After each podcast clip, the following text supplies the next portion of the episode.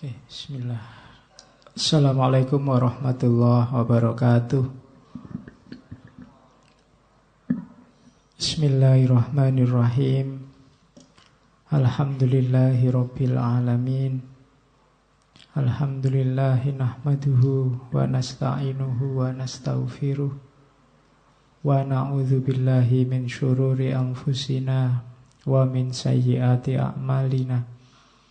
May yahdihillahu fala mudhillalah wa may yudlilhu fala hadiyalah. Allahumma sholli wa sallim wa barik ala habibina wa syafi'ina Sayyidina Muhammadin wa ala alihi wa ashabihi ajma'in Amma ba'du Bismillah, mari kita lanjutkan ngaji kita untuk sesi terakhir sebelum puasa. Puasa nanti biasanya kita libur satu bulan puasa plus bonusnya sawal. Saya tidak tahu nanti kita masuk lagi tanggal berapa, minggu keberapa sawal, ditunggu saja pengumumannya nunggu moodnya takmir dan mood saya. Enaknya dimulai kapan? Oke. Malam ini kita ada di Imam Ghazali lagi tokoh idola. Menurut saya Ghazali paling sering kita angkat karena memang pikiran-pikirannya variatif. Enak dibahas untuk tema-tema tertentu khususnya yang berbau praktis tapi agak dalam. Meskipun tidak terlalu sangat dalam seperti beberapa filosof sufi. Untuk level kita itu Ghazali sudah luar biasa. Sudah wow. Kita ngejar Ghazali juga agak berat. Tapi usahakan paling tidak ada banyak hal yang bisa kita kaji dari Ghazali. Dan saya tidak akan cerita banyak tentang setting biografisnya. Teman-teman pasti sudah akrab.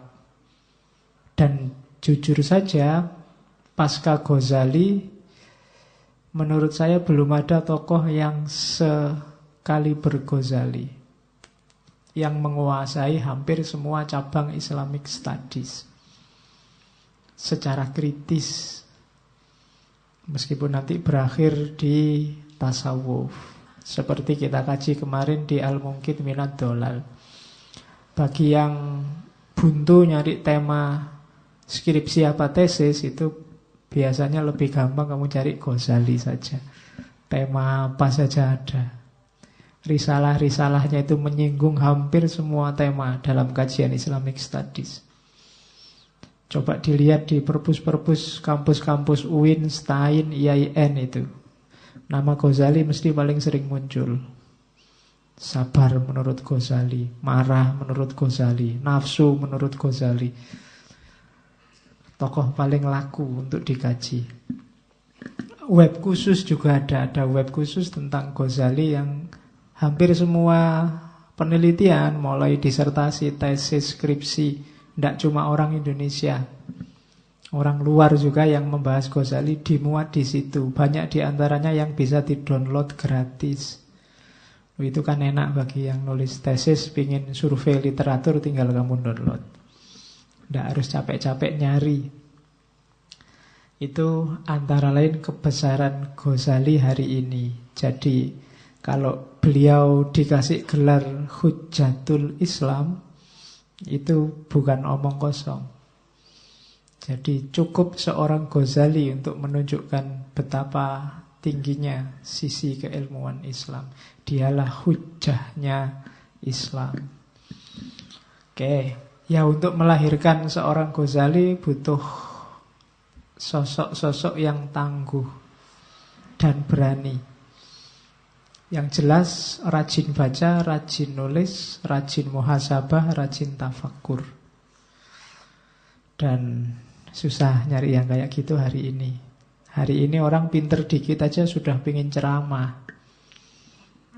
Sudah ingin ngasih tahu orang. Baru baca satu dua kitab, ingin menyadarkan orang. Wong dia sendiri belum sadar. Ya, ya contohnya saya. Ngerti sidik-sidik sudah mau ngasih tahu orang.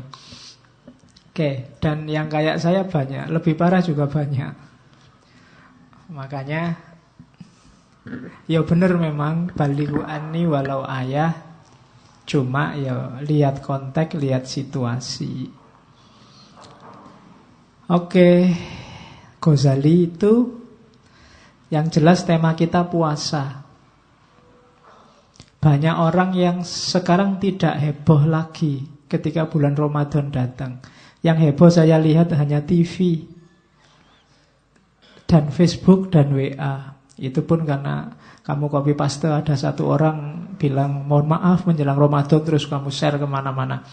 Kata-katanya sama, saya punya hampir 23 grup itu isinya podo-podo. Nah, ya. Jadi ya memang agama Islam menyuruh kita senang dengan kedatangan Ramadan. Orang Jawa zaman dulu mengekspresikan senangan, senangnya dengan tradisi-tradisi. Di Jawa dikenal megengan. Megengan itu, megeng itu meng, Megeng itu terjemahan bahasa Jawa dari kata-kata imsak. Menahan diri. Jadi megengan itu ya artinya menahan. Merayakan hari ketika kita diajari untuk menahan diri. Itu namanya megengan. Jadi ya dalilnya itu tadi man fariha biduhuli Ramadan siapa yang senang dengan datangnya Ramadan dan seterusnya. Jadi kalau ada yang bilang megengan itu bid'ah, ada dalilnya. Dalilnya apa? Mengekspresikan kesenangan. Ya meskipun kita sering lebih fokus ke bancaannya. Ya. Cuma maunya itu. Seneng lah orang Jawa terus pakai tradisi biar senengnya lebih berlipat-lipat dengan segala macam atributnya, makan-makannya, sodakohnya, syukurannya, dan lain-lain. Jadi hebohlah, tidak apa-apa, Ramadan ini datang. Banyak yang bilang, ala pak puasa aja, sudah biasa kita puasa, sejak kecil sudah puasa. Sudah dilatih untuk puasa Ramadan, jadi biasa-biasa aja. Iya, berarti level puasa kita memang masih di level itu. Harusnya kita wow, kita dapat momen bagus dari Allah. Saya membayangkan perintah puasa itu kayak mahasiswa disuruh bikin makalah. Disuruh bikin makalah itu kan kepentingan kita loh sebenarnya itu. Kita jadi pinter nulis, kita jadi baca-baca. Apalagi dosennya bilang wajib bikin makalah 15 halaman. Kita kan geruneng. Masa bikin orang capek aja, otoriter. Lo ndak, bikin makalah itu tidak untuk kepentingan dosennya, untuk kepentingan mahasiswa. Kalau kita nggak dipaksa bikin, kita tidak akan bikin. Itu puasa. Sama Allah wajib deh. Allah sangat ngerti apa manfaatnya puasa lahir batin untuk hidup kita. Maka sama Allah dibikin wajib puasa. Karena kalau Allah bilang sunnah, boleh puasa, boleh enggak, kita tetap milih enggak puasa. Sama kayak mahasiswa, boleh bikin makalah, boleh enggak bikin. Insya Allah enggak bikin. Dan itu sayangnya Allah pada kita. Karena Allah ngerti apa manfaatnya puasa, maka wajib ya puasa. Dan Allah tidak butuh sebenarnya lapar dan haus kita. Butuhnya apa? Manfaat puasanya.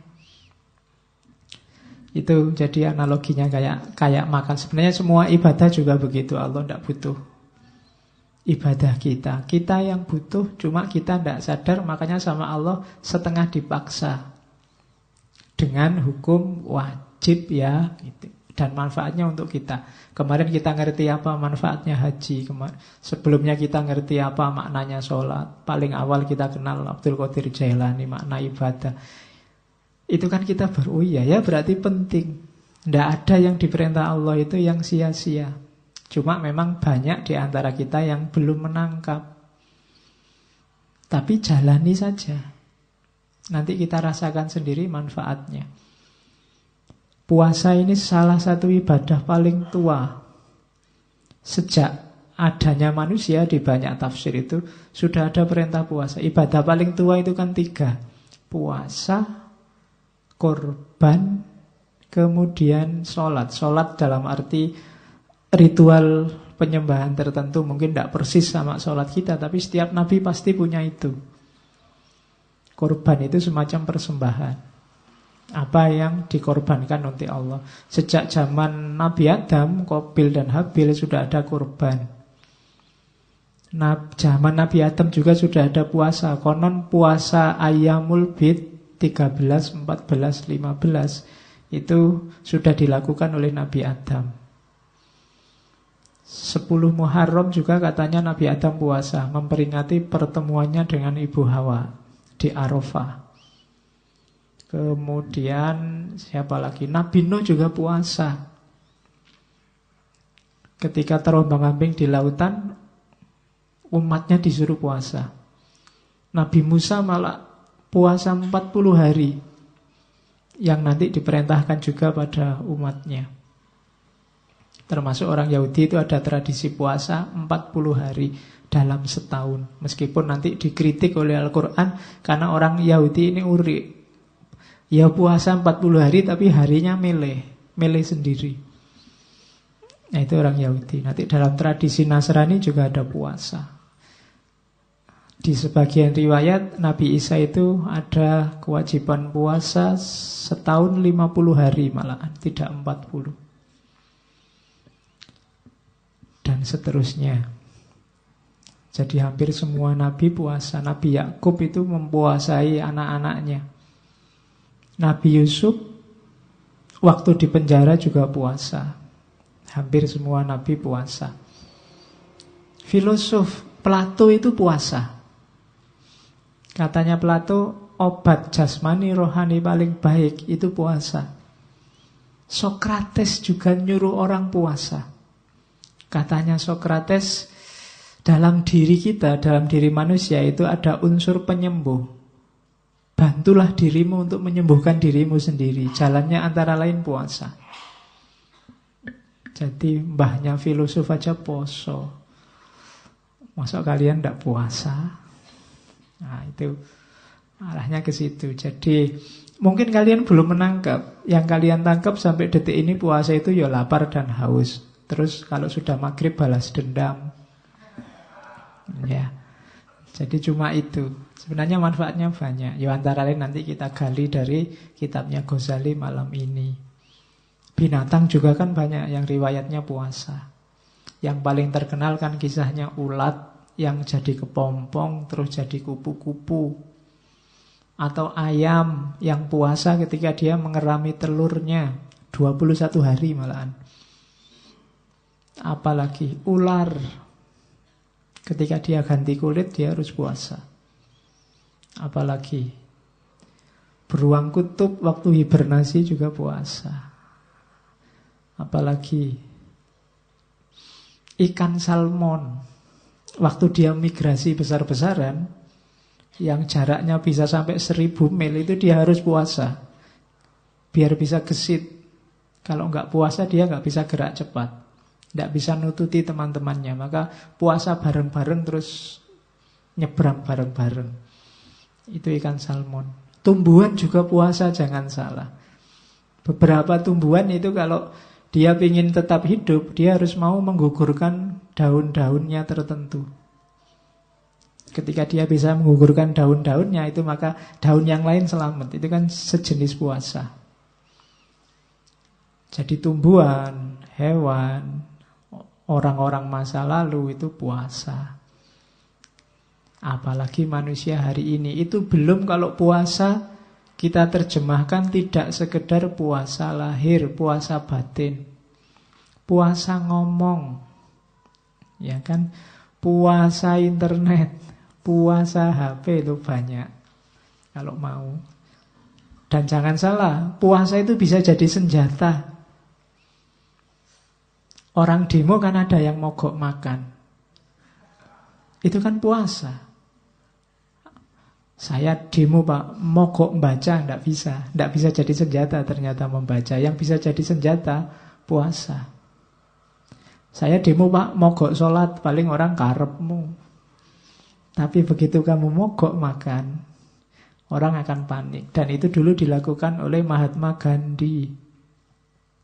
Gandhi itu kan senjatanya mogok makan. Jadi tahun 49 itu India kacau luar biasa. Orang Islam ngamuk, orang Hindu ngamuk. Indonesia hari ini masih untung Yang kelihatan ngamuk masih Islam saja. Kalau agama lain ngamuk rusak kita. Dan bunuh-bunuhan habis-habisan. Saat itu Gandhi, Gandhi ini tokoh terkemuka Dihargai oleh muslim Dan tokoh suci dalam agama Hindu. Makanya gelarnya Maha Atma Jiwa yang maha, jiwanya besar Dan Gandhi deklarasi, saya tidak akan makan sebelum kalian berhenti bunuh-bunuhan. Dan akhirnya sukses. Puasanya Gandhi. Oke, itu salah satu contoh bahwa puasa bisa jadi senjata.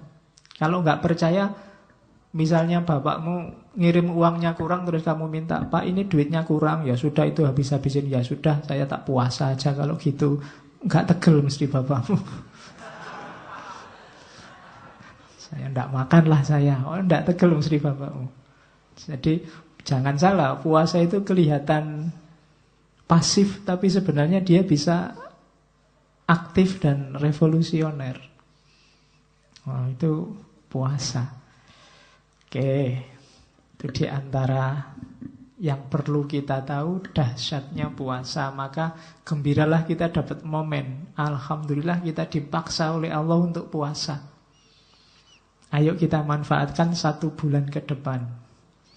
Kita coba dapat apa kita dari puasa. Selama ini kan kita cuma dapat lapar dan haus sama komedi di TV-TV besok kita cari hasil yang lain jajal minggu awal dulu saya ngomong Ayo kita bikin target-target individual aja. Janji sama diri kita sendiri.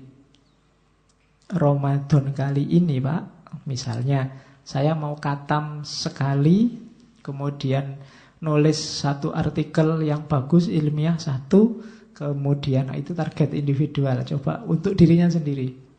Ramadan kali ini, Pak, tesis selesai, kemudian ngajinya beres, Kemudian, loh itu kan target spiritual juga. Janjinya sama dirinya sendiri. Nanti kalau sukses, kasih hadiah dirimu sendiri. Kalau gagal juga hukum dirimu sendiri. Kita akan jarang menerapkan ini ya. Kalau semester ini IP ku 3,5 ke atas, aku akan makan di restoran paling enak. Nah, itu ngasih hadiah dirinya sendiri. Tidak apa-apa. Kalau uangnya ada. Loh ya kalau nggak ada uangnya ya masuk kamu mau nekat. Jadi itu ngasih hadiah atau dihukum. Kalau IP ku di bawah tiga semester ini HP off, ndak akan tak beliin pulsa. Satu semester misalnya, itu menghukum diri sendiri. Cuma yang konsisten. Latihan sukses itu diawali dari dirinya sendiri. Termasuk puasa.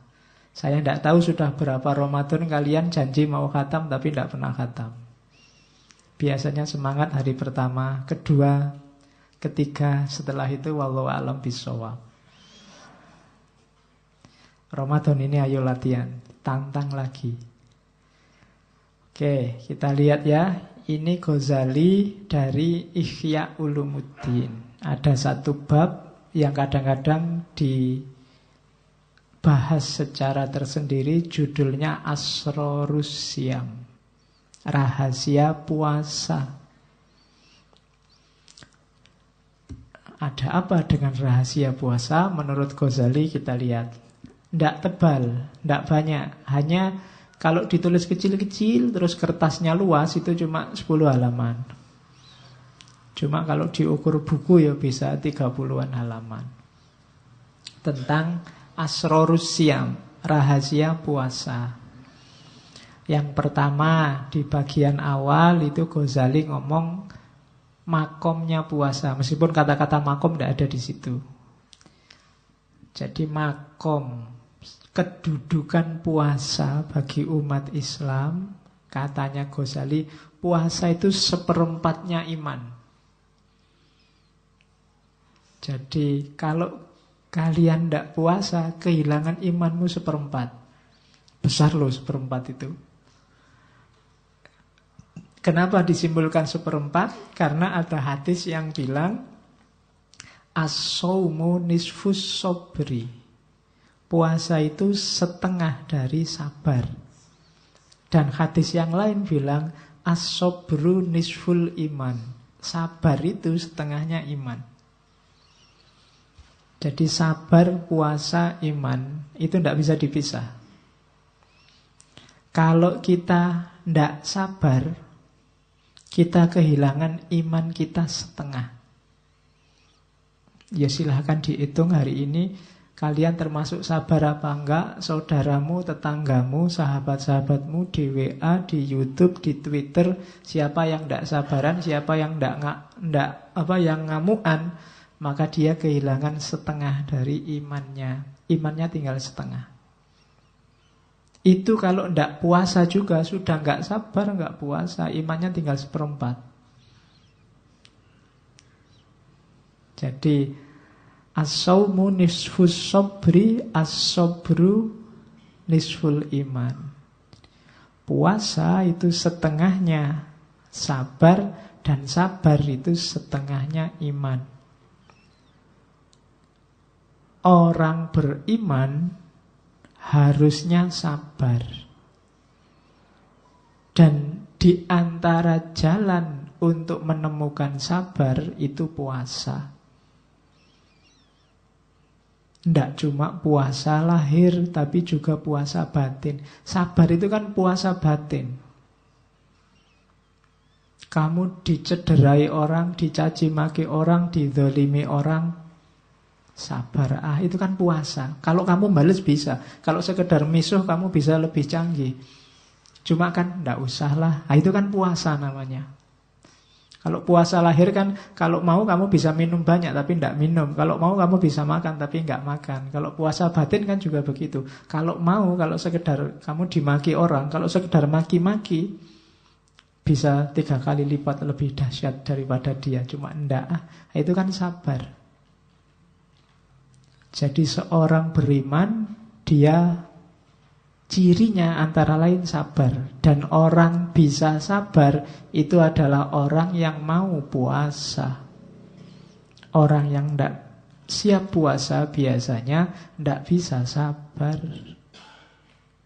Orang tidak puasa itu apa? Yos pokoknya apa yang ada di hatinya diucapkan begitu saja. Apa yang diinginkan diraih begitu saja Tanpa mempertimbangkan positif negatifnya Sabar itu kan bisa sabar dari dan juga sabar untuk.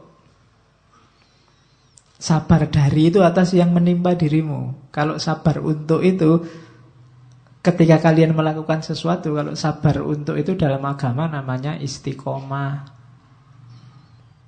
Tiap hari ya tak coba sholat duha itu sabar untuk istiqomah terus sholat duha sabar dijalani terus nah itu namanya sabar untuk melakukan sesuatu ada juga sabar dari atas yang menimpa, atas yang kita alami, kita sabar.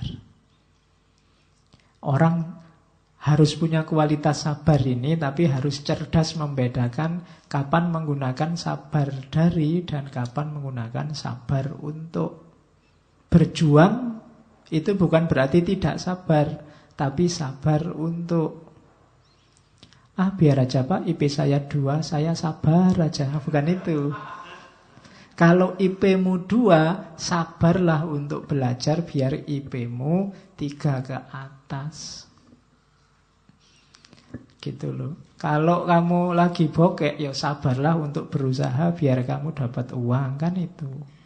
Awas keliru menerapkannya. Selama ini kamu kan pukul rata Sabar itu berarti Ah apa yang terjadi biar dapat jalan. Nah, Rumusnya bukan itu. Jadi sabar itu bisa dari sesuatu dan untuk sesuatu. Tapi untuk membedakan mana yang dari, mana yang untuk, kita butuh satu hal, namanya kebijaksanaan. Dan kebijaksanaan itu ilmunya antara lain yang paling terkenal adalah filsafat. Maka ngajilah filsafat. Oke, ini bukan promosi, iklan. Terus, jadi makomnya puasa itu ya, puasa itu dialektika antara keimanan dan kesabaran.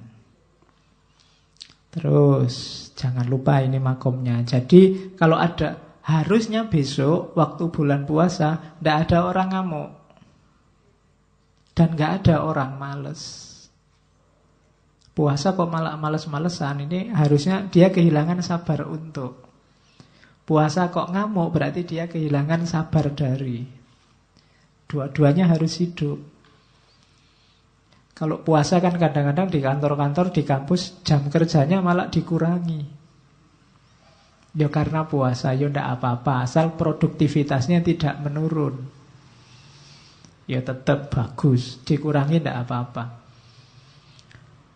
Terus, jadi makomnya itu ya Dialektika antara sabar dan iman dan puasa. Jangan lupa, kuncinya di situ nanti. Yang kedua Terus Ghazali membahas Kenapa sih puasa itu dianggap istimewa. Katanya Ghazali, ibaratnya puasa dibandingkan ibadah yang lain, itu kayak tanah haram, Masjidil Haram, dengan masjid-masjid yang lain. Katanya Ghazali, Ka'bah itu kan dianggap rumah Allah, tanah haram itu kan dianggap tanah kehormatannya Allah, miliknya Allah. Padahal semua masjid, semua tempat itu kan juga miliknya Allah. Semua ibadah untuk Allah, tapi yang istimewa itu puasa. Sama seperti semua tanah, semua bumi itu milik Allah. Tapi yang disebut khusus sebagai rumah Allah, rumah milik Allah itu hanya Ka'bah dan Masjidil Haram. Bandingannya itu. Alasannya apa? Yang pertama Puasa itu satu-satunya ibadah yang verifikasi pastinya itu hanya yang melakukan. Nggak ada orang lain tahu. Boleh ikut buka bersama, ikut sahur bersama, tapi tidak puasa kan bisa. Tidak ada orang ngerti. Kayak kamu dulu kecil itu loh. Puasa, ya masih puasa, masih. Tapi nanti kalau ke kamar mandi, air satu ciduk. Ya kan? Atau pura-pura alasannya lupa. Wah lupa tadi minum. Lupa kok diulangi. Kan sering dulu kita waktu kecil begitu. Yang tidak ngalami kan nggak lihat. Kamu makan apa enggak kan nggak kelihatan. Jadi satu-satunya ibadah yang hanya kamu dan Allah yang tahu. Itu yang bikin puasa istimewa. Ibadah yang sifatnya subjektif. Orang tidak bisa menilai. Mulutmu kering, bau nafasmu tidak enak, itu kan tidak jaminan kamu puasa. Wong kamu tidak puasa aja sudah tidak enak. Itu juga bisa trik. Ya kan, kamu makan pete juga baunya tidak enak. Mulut kering kalau kamu pas sariawan juga mulutmu kering. Tidak bisa. Pagi sampai siang tidak makan apa-apa, tidak akan ada orang tahu kecuali dirimu sendiri. Katanya puasa tapi warung-warung penuh misalnya. Itu kan terus lu itu jadi meskipun di warung ada tutupnya tapi kan kakinya kelihatan. Wah, kakinya masih banyak. Nanti pulang ke rumah puasa, puasa. Tapi sebenarnya enggak. Jadi hanya kita yang tahu. Itu yang bikin puasa istimewa. Kalau sholat kan orang bisa lihat. Kalau sodako orang bisa ngerti, bisa ngitung. Haji apalagi. Sebelum berangkat aja orang sak kecamatan diundang. Mesti ngerti. Tapi kalau puasa enggak. Kamu deklarasi, saya niat puasa di masjid. Besok enggak puasa, enggak ada orang tahu. Itu istimewanya puasa. Jadi hanya yang bersangkutan dan Allah yang ngerti. Nah, itu puasa. Makanya dia istimewa. Yang kedua, katanya Ghazali, Puasa adalah ibadah yang terang-terangan nantang setan. Terang-terangan menyisihkan nafsu, kedunia, keduniaan. Hasrat-hasrat jasmaniah yang dangkal. Yang terang-terangan begitu puasa. Kemarin kalau sholat kan implisit semua. Sholat itu tanha anil fasya wal mungkar. Batinnya, implisit, tidak kelihatan. Kemudian apalagi kemarin haji itu kan banyak sekali makna. Tapi tidak kelihatan, orang harus mendalami dulu. Tapi begitu puasa, langsung kelihatan bahwa ini melawan hawa nafsu. Nafsu makan, nafsu minum, nafsu seksual dilawan semua. Itu kan ibadah yang terang-terangan melawan nafsu itu puasa. Makanya ada hadis Nabi, wahai anak-anak muda yang sudah mampu nikahlah, manistato amin kumul ba'ah falyatazawwaj. Nikahlah, jangan jomblo terus, tidak ada untungnya. Dan nggak ada enaknya. Terus, ya. Wa in lam yastati, kalau kamu tidak mampu, puasa. Jadi kalau nggak mampu puasalah fa'alaihi bisaum. Meskipun kalau dulu zaman saya di SMA sering dipelesetkan fa'alaihi bisobun. Kalau nggak mampu ganti sabun bukan itu. Dengan puasa bukan dengan sabun. Cuma puasa yang beneran ya. Nanti ada ada cirinya puasa yang beneran menurut Ghazali. Kalau cuma puasa menahan lapar dan haus, itu masih belum bisa jadi benteng untuk yang belum mampu kawin. Karena kalau hanya puasa lahiriah, susah jadi benteng. Kadang-kadang puasa nafsumu tambah besar. Karena Ya puasa sih iya, tapi internetannya terus, buka HP terus, kadang-kadang ngomongnya saru-saru, kadang lihat gambar apa, lihat video apa. Videonya video ceramah, cuma karena yang ceramah bunyai, pikiranmu ke mana-mana. Wah, bunyai itu. Bisa begitu kan? Jadi puasa yang benar nanti diajari oleh Ghazali. Karena puasa adalah ibadah yang secara terang-terangan nantang setan. Setan dalam dirimu sendiri khususnya. Hawa nafsu. Setannya yang asli katanya dibelenggu. Cuma kan Setan itu kan tidak berdaya Kalau nggak kompatibel sama Dimensi rohanimu. Cuma selama ini kamu tidak pernah mikir kompatibilitas itu. Jadi setan selalu cocok sama dirimu. Waktu puasa setan tidak cocok. Jadi Analoginya maka dibelenggu. Dibelenggu itu bukan kok terus malaikat datang setannya dirantai. Terus kamu di mana ya kira-kira dibelenggunya bukan itu. Tapi setan otomatis terbelenggu kenapa? Harusnya jiwanya orang puasa itu tidak nyambung sama situasi setan dan kesetanan. Cuma hati-hati kalau habis maghrib nafsumu kumat lagi, kesetanan lagi, ya kompatibel lagi, setan bisa masuk. Jadi kalau waktu siang, oh ah kita puasa, nanti aja habis maghrib misalnya gitu. Nanti ditawari pacarnya, mas jalan-jalan lu, jangan sekarang, sekarang puasa. Nanti habis maghrib kita ke mall bareng, ayo podo. Habis maghrib kompatibel lagi dirimu sama setannya, nyambung lagi.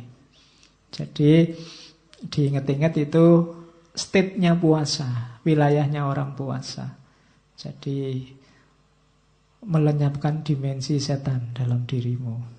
Saya lupa ada baca riwayat dulu, saya lupa di kitab apa ya, katanya zaman Nabi itu puasa itu hampir 22 jam. 22 jam itu berarti sahur, terus buka waktu maghrib sampai isya, setelah isya puasa lagi. Terus ada kasus Umar. Umar itu malam-malam berhubungan sama istrinya. Sehingga turun ayat bahwa ya kalau malamnya Ramadan itu tidak apa-apa berhubungan sama istri. Terus dipahami, oh berarti makan juga boleh, tidak harus sampai isya. Pemahamannya seperti itu. Saya lupa ada di kitab apa. Cuma ya itu, karena 22 jam mungkin lebih terjaga. Cuma mungkin Allah sayang sama kita Terus ndaklah ndak apa-apa Kalau malam pengen makan-makan sepuasnya juga ndak apa-apa Cuma hati-hati yang tadi sudah dikondisikan sejak pagi Jangan dilepaskan lagi Kalau ndak ya hasilnya balas dendam tadi Kadang-kadang puasa itu kan keuangannya lebih banyak keluarnya dibandingkan bulan biasa. Hari-hari gini kan kamu tidak pernah mikir bikin kolak apa beli kolak. Kalau puasa mikir. Biasanya kamu makan cuma nasi kucing satu sama air putih selesai. Begitu puasa kamu mulai mikir takjilnya pakai apa, minumnya apa, kemudian makan utamanya apa, cemilannya habis sisa apa itu sama aja balas dendam. Jadi kamu merasa paginya disiksa dan malamnya bebas. Padahal itu kebalik, justru paginya itu kamu bebas dari hawa nafsu. Maka manfaatkan malamnya ketika kondisimu sedang bersih untuk yang baik-baik. Oke, terus ini banyak dalil cuma saya comoti, saya copy paste. Ya silahkan kamu baca ini sudah sudah banyak disebut orang. Inna syaitona layajri min ibni adama majrodam fadoyiku majarihi bilju Sesungguhnya setan itu berjalan dalam diri anak cucu Adam lewat jalan darah. Fadoyiku majarihi Maka sempitkanlah jalannya setan itu dengan kamu lapar. Yo paling ndak secara lahiriah Rasional itu kalau kamu lapar kan kamu nggak mikir neko-neko Yang kamu pikir makanan dok Begitu kamu kenyang baru mikir aneh-aneh Itu paling gampang logikanya itu Jadi sempitkan jalannya Sempitkan kan bukan berarti hilangkan masih ada setan bisa masuk. Cuma sekarang sempit karena kamu cuma mikir makanan. Ketika kamu sedang lapar. Ngatasinya kan gampang kalau cuma makanan. Kalau makan kan nggak neko-neko lah. Tapi kalau mikir yang lain itu kadang-kadang bahaya. Itu mungkin maunya hadis itu. Jadi sempitkanlah jalannya. Paling tidak meskipun puasamu nggak dalam, nggak sampai batin, nggak khawasul khawas. Tapi dengan kamu lapar, itu sudah pikiranmu sudah paling kemakanan. Kalau habis-habis asar ketika kamu sudah melilit itu mbok lihat ada cowok cakep apa cewek cakep ndak minat lagi. Yang kamu pikir kolak sama es buahnya. Ya kan? Jadi itu antara lain. Terus ini sabdanya Nabi pada Aisyah. Dawami Qur'aba bil jannah. Teruslah dawamkanlah istiqomalah menggedor-gedor pintu surga. Kolat katanya Aisyah bimada dengan apa? Kola sallallahu alaihi wasallam bilju dengan apa? Dengan lapar. Jadi kalau kamu lapar itu katanya Nabi kayak orang yang sedang mengetuk-ngetuk menggedor pintu surga. Terus Kullu hasanatin bi asri amthaliha ila sab'imi ati di'fin. Setiap kebaikan itu dibalas oleh Allah minimal 10 kali lipat. Sampai 700 kali lipat. Setiap kebaikan. Illa siam, kecuali puasa. Satu-satunya yang oleh Allah nggak disebut rahasiaku. Fa'inahuli karena puasa itu untukku wa ana ajibi dan Aku yang akan ngasih balasan sendiri, khusus. Dan hadis di bawahnya juga semacam kelanjutannya meskipun hadis yang berbeda. Inna Allah ta'ala yubahi malaikatahu bisyabi al-abidi. Jadi Allah ini membanggakan anak-anak muda yang gemar ibadah, khususnya yang puasa. Kalau yang tua biasa lah orang tua kan lebih gampang kalau mau tirakat, kalau mau puasa. Ini yang dibanggakan oleh Allah yang muda-muda. Fayakulu maka Allah berfirman pada para malaikat, Ayyuhasyab at-tariku syahwatahu li ajli anak-anak muda yang meninggalkan syahwatnya demi aku al-mubdhilu syababahuli yang memperjuangkan apa yang menggantikan kemudaannya untukku karena masih muda biasanya masih mau senang-senang tapi lebih milik Allah daripada senang-senang anta indi kabakti malaikati. Jadi engkau anak muda, bagiku engkau kayak malaikat-malaikatku. Nah itu pujiannya Allah bagi anak-anak muda. Saya tidak tahu yang hadir malam ini masih muda apa sudah tua. Wajahnya si tua. Jiwanya apalagi. Terus kita lihat itu hadis-hadisnya. Ini hadis paling terkenal. Liso imi farhatani. Farhatun inda iftorihi wa farhatun inda liko irobi. Orang puasa akan ketemu dengan dua kebahagiaan. Yang pertama kebahagiaan waktu buka puasa dengan kebahagiaan waktu ketemu Allah. Ini seakan-akan mau bilang orang yang puasa pasti besok akan ketemu Allah dan dirindukan oleh Allah. Dan kesenangan yang satu waktu dia buka puasa. Jadi sebenarnya buka puasa itu biasa cuma makan. Karena ada puasanya dia jadi luar biasa. Hidup kadang-kadang butuh ini. Butuh puasa dulu.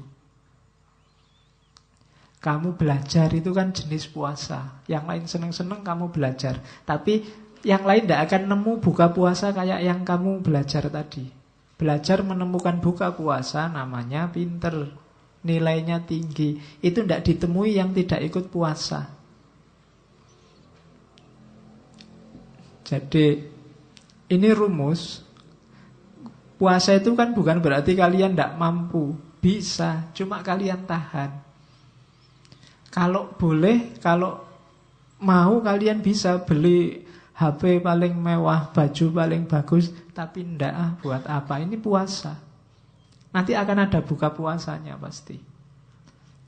Jadi farhatun inda iftorihi. Terapkan ini, jadikan rumus. Kenapa orang Jawa nyuruh sering-sering tirakat? Tirakat itu meninggalkan yang nikmat-nikmat yang enak-enak. Karena akan ada buka puasanya besok. Orang yang berjuang, orang yang mati-matian orang yang itu kan nanti ada buka puasanya dibandingkan yang santai-santai. Mereka tidak akan nemu buka puasa. Sama-sama makan waktu maghrib, nikmatnya beda. Antara yang puasa dan yang tidak puasa. Maka jadikan di antara rumus hidup kita adalah puasa. Ngaji Kalian tiap malam kemis ikut ngaji filsafat itu kan juga jenisnya puasa. Yang lain jalan-jalan di luar, nongkrong di mall, ngafe sama pacarnya, kalian milih di sini wong ndak punya pacar. Loh itu juga tirakat. Jadi kalau ada yang tanya, kok sampai umur sekian kok masih jomblo, Mas, Mbak? Ndak. Ini tirakat kok. Kalau mau, oh, gitu. Kalau saya mau, siapa ndak suka sama saya? Cuma saya tirakat aja. Biar nanti buka puasa. Oke. Terus kan itu itu juga sejenis puasa loh. Kamu saya tidak mau pacaran pak. Itu juga puasa. Besok kalau dapat nikmatnya berkali lipat. Iftorihi. Tapi yang sejak SMP sudah pacar-pacaran yang yangan pacaran itu biasa, tidak ada rasanya. Yang dialami sama, cuma rasanya jauh berbeda. Itu buka puasa. Makanya jangan sering-sering pacaran. Cukup sekali. Lama terus putus. Kamu kan biasanya itu sekali dan lama sekali. Tapi terus putus. Akhirnya kan pacarannya sama siapa, nikahnya sama siapa. Oke. Kalau ditanya jawabnya santai, bukan jodoh Pak. Padahal itu nangis-nangis sudah. Terus dilanjutkan konteksnya puasa. Ngomong puasa itu tidak cuma ngomong lapar dan haus. Ayo masuk lebih dalam, katanya Imam Ghazali. Yang pertama, yang jelas puasa itu kepatuhan. Allah sendiri yang merintah secara terang-terangan loh. Ndak tedeng aling-aling kutiba alaikumusiam. Kalian diwajibkan. Maka puasa yang pertama-tama bermakna kepatuhan kita pada Allah. Segala manfaat, segala hikmahnya puasa itu di bawah kepatuhan ini. Tidak boleh dibalik. Puasa itu menyehatkan. Kalau saya sudah sehat, apa harus puasa Pak? Harus tetap. Tidak bisa dibalik. Puasa itu bikin kita menahan nafsu. Wah, saya itu tidak pernah tergoda oleh nafsu, Pak. Berarti tidak butuh puasa. Tidak. Yang pertama-tama tetap kepatuhan. Seandainya puasa tidak menyehatkan sekalipun, bikin kamu lapar, perutmu melilit, tetap harus puasa. Karena yang pertama-tama puasa itu kewajiban dari Allah. Ya kayak sholat kemarin. Sholat itu tanda anil fasya wal mungkar. Pak, saya itu orang baik pak. Tidak pernah fasya wal mungkar. Berarti tidak butuh sholat oh pak? Tetap butuh sholat. Kenapa? Itu kepatuhan. Bukti bahwa kita percaya pada Allah, pada Rasul. Jadi yang pertama-tama itu Tidak pakai argumen apa-apa Baru kalau kita sudah patuh Kita rinci manfaatnya apa Hikmahnya apa Biar lebih mantap kepatuhan kita Jadi tidak bisa dibalik Tidak bisa Pak sholat itu kan untuk mengingat Allah Sholat li zikri katanya Allah Kalau saya sudah anytime ingat Allah Apa butuh sholat Pak? Butuh Kenapa? Kepatuhan Jadi yang pertama-tama ibadah itu kepatuhan. Baru terus kita cari hikmahnya, manfaatnya, rahasianya. Itu biar ibadah kita semakin mantep. Biar kita sadar bahwa Allah tidak pernah nyuruh sesuatu yang sia-sia. Tapi itu belakangan. Setelah nilai kepatuhan. Termasuk puasa. Terus yang kedua pelatihan riyadho. Jadi puasa ini semacam short course satu bulan. Latihan nyapeh nafsu. Latihan mengendalikan diri, menguasai diri. Itu puasa. Satu bulan penuh kita dilatih. Saya tidak tahu sukses apa enggak. Kalian sendiri yang ngerti. Jangan sampai short course hanya tinggal short course, seminar hanya tinggal seminar. Harus Fokus pada hasilnya. Biar besok benar-benar merayakan Idul Fitri, kembali fitrah. Jadi latihan terus. Dalam puasa, usahakan, saya bilang tadi ada target-target spiritual. Riyado. Ya yang nomor satu, latihan nafsu. Berani nggak misalnya khusus satu bulan Ramadan besok Pak Saya buka WA hanya setelah maghrib sampai Isya misalnya Saya buka WA hanya kalau mau tidur Pak misalnya Atau saya tidak akan lagi posting tentang yang dunia-dunia Pak Satu Ramadan ini saya ngomongnya akhirat aja misalnya Ya tidak apa-apa itu kan latihan Pelan-pelan jadi silahkan bikin target sendiri, riado, bikin pelatihanmu sendiri. Ya latihan utamanya memang melawan hawa nafsu. Semoga sukses. Yang ketiga,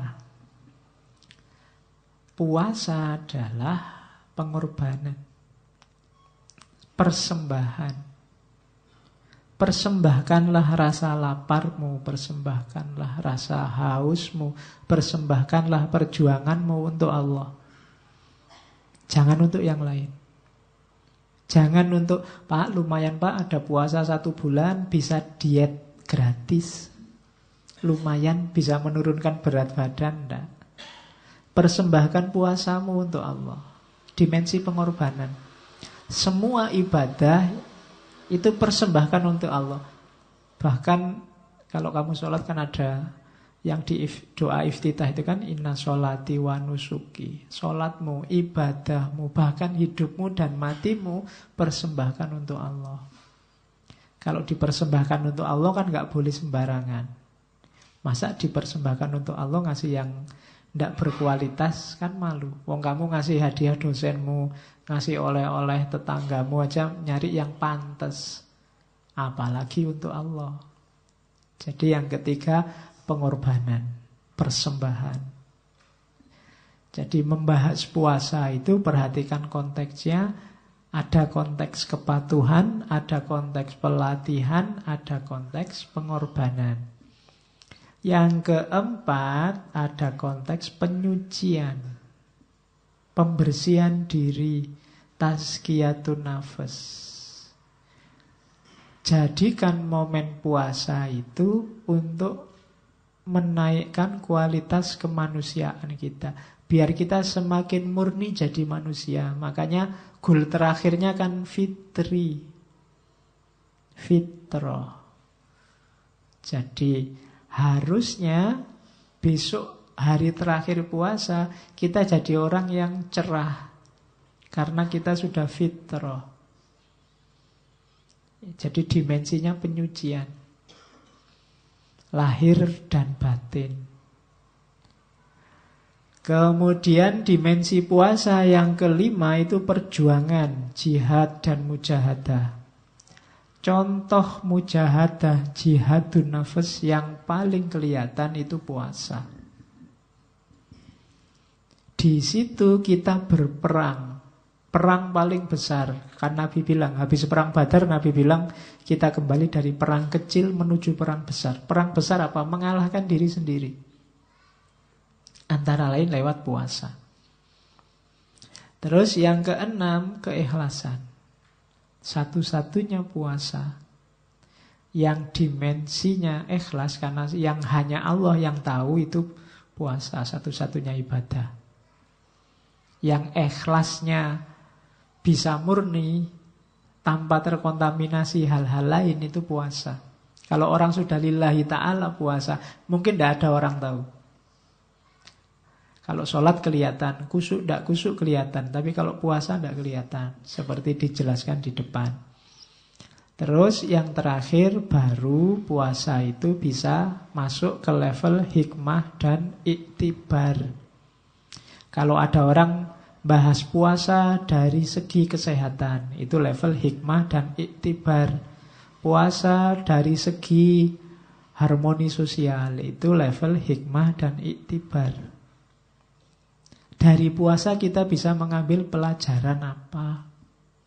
Itu hikmah dan iktibar. Dari puasa kita peka secara sosial, itu hikmah dan iktibar. Level terakhir dari puasa. Jadi ternyata puasa konteksnya banyak, dimensinya banyak. Otomatis manfaat dan dampaknya juga banyak. Itu cerdasnya seorang Ghazali. Kalau kita mikir sendiri mungkin tidak nyampe ke sini. Kita kan ngertinya cuma pokoknya puasa itu menahan lapar, haus, dan hubungan seksual. Itu dok. Di luar itu tidak nyampe. Pokoknya itu. Sama kata man Al-Quran. Itu pun nggak sukses-sukses. Terus baru nanti kita ketemu klasifikasi puasa yang sangat terkenal dari Ghazali. Ada awam, ada khawas, ada khawasul khawas, ada awam, ada khusus, ada khususul khusus. Ada biasa, ada khusus, ada istimewa, dan ada super. Itu kalau pakai istilahnya martabak. Ya, martabak itu kan ada martabak biasa, ada istimewa, ada super. Yang satu telurnya satu, yang satu telurnya dua, yang terakhir telurnya tiga. Empat kelihatannya, saya lupa satunya apa. Oke, telurnya saya ingat saya sampai empat. Oke, jadi puasanya orang biasa. Kelihatannya kita sering ada lebih banyak di sini menahan diri dari memasukkan sesuatu dalam perut dan kemaluan terjaga. Itu definisi yang kita pakai. Pokoknya kita hati-hati, benar jangan ada sesuatu yang masuk ke perut. Kan itu yang sering kita bahas waktu puasa. Pak, kalau nelan ludah batal enggak? Pak, kalau saya dulu apa kentut di air batal ndak? Pak kalau itu jadi kita sing dipikir itu pokoknya apa yang masuk ke mulut sama itu dok. Itu puasanya orang awam. Pak harus hubungan suami istri ndak pak? Kalau ndak berhubungan mimpi batal ndak pak? Pak harus selalu begitu yang kita bahas. Dimensi fisiknya. Yo ya ndak salah.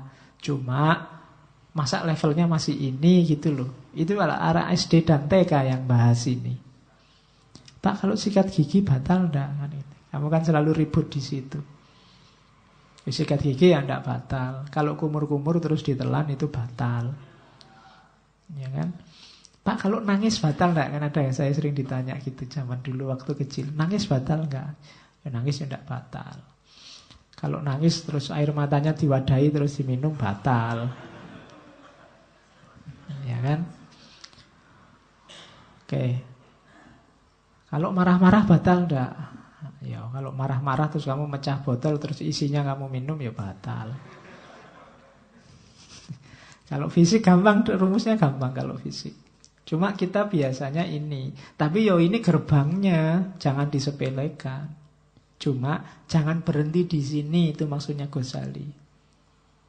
Diawali dari sini, mencegah perut dan kemaluan. Pak kalau sudah imsak masih boleh makan nggak Pak? Gitu. Boleh. Kalau sudah subuh Pak, saya sudah terlanjur subuh belum minum Pak. Boleh nggak minum? Nah, itu kan. Terus kamu bingung, boleh nggak ya? Tapi kalau nggak minum nanti haus sampai siang. Salahmu dewi, ini telat. Jadi fikih itu jelas, eksak, ukurannya gampang, mudah dideteksi. Jadi Puasa cuma jangan dititik beratkan di sini. Hanya saja memang orang-orang tertentu yang belum nyampe mengawali puasa itu dari sini. Kekurangannya puasa ini ya hanya dapat lapar dan haus. Bahkan tidak menghalangi katanya Ghazali dari kemaksiatan dari nafsu. Puasa sih puasa, tapi nunggu buka puasa nongkrong di mall terus lihat yang lewat-lewat. Waduh, mulusnya ya bodoh Tidak terhalangi. Kalau ada, eh puasa-puasa kok gitu. Lo kan yang penting tidak makan, tidak minum, dan nggak gituin. Nah, ya sah puasamu, cuma ini levelnya awam.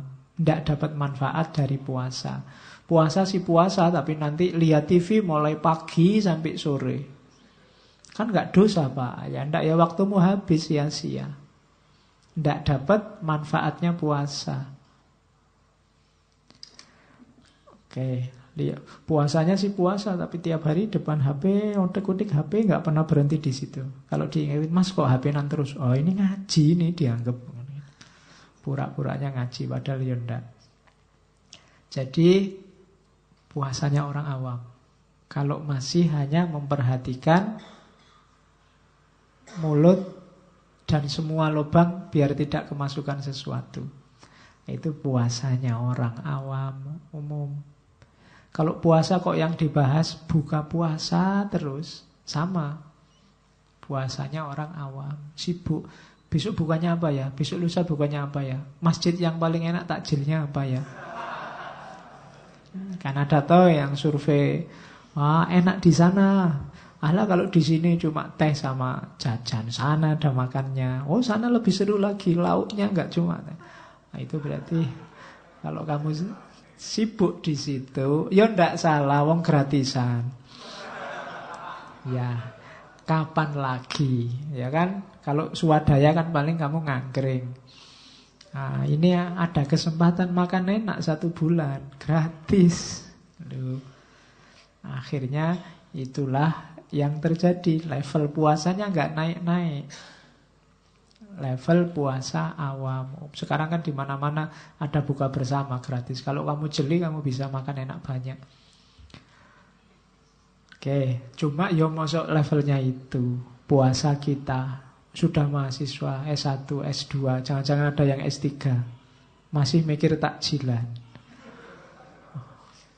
Oke, terus jadi level lebih tinggi dari awam adalah puasa khusus. Kalau puasa khusus itu puasanya awam tapi plus. Masih memperhatikan fisik. Cuma bukan cuma mulut sama kemaluan, tapi juga mata dan semua anggota tubuh yang lain. Itu orang khusus.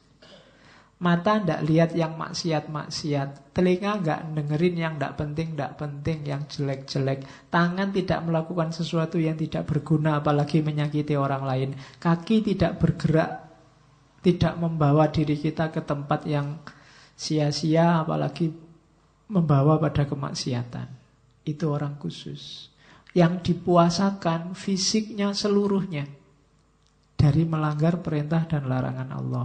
Itu puasanya orang khusus. Jadi orang khusus itu waktu dia puasa tidak cuma mikir yang penting dia tidak makan, tidak minum. Tapi matanya juga dia jaga. Telinganya dia jaga. Tangannya dia jaga. Kakinya dia jaga. Ya kayak saya ceritakan tadi. Tidak lihat yang tidak penting. Tidak lihat yang mulus-mulus. Tidak lihat yang bikin dosa. Tidak lihat yang bikin kamu bilang astagfirullahaladzim itu. Ya mau lihat apa? Kamu kan sering lihat astagfirullah.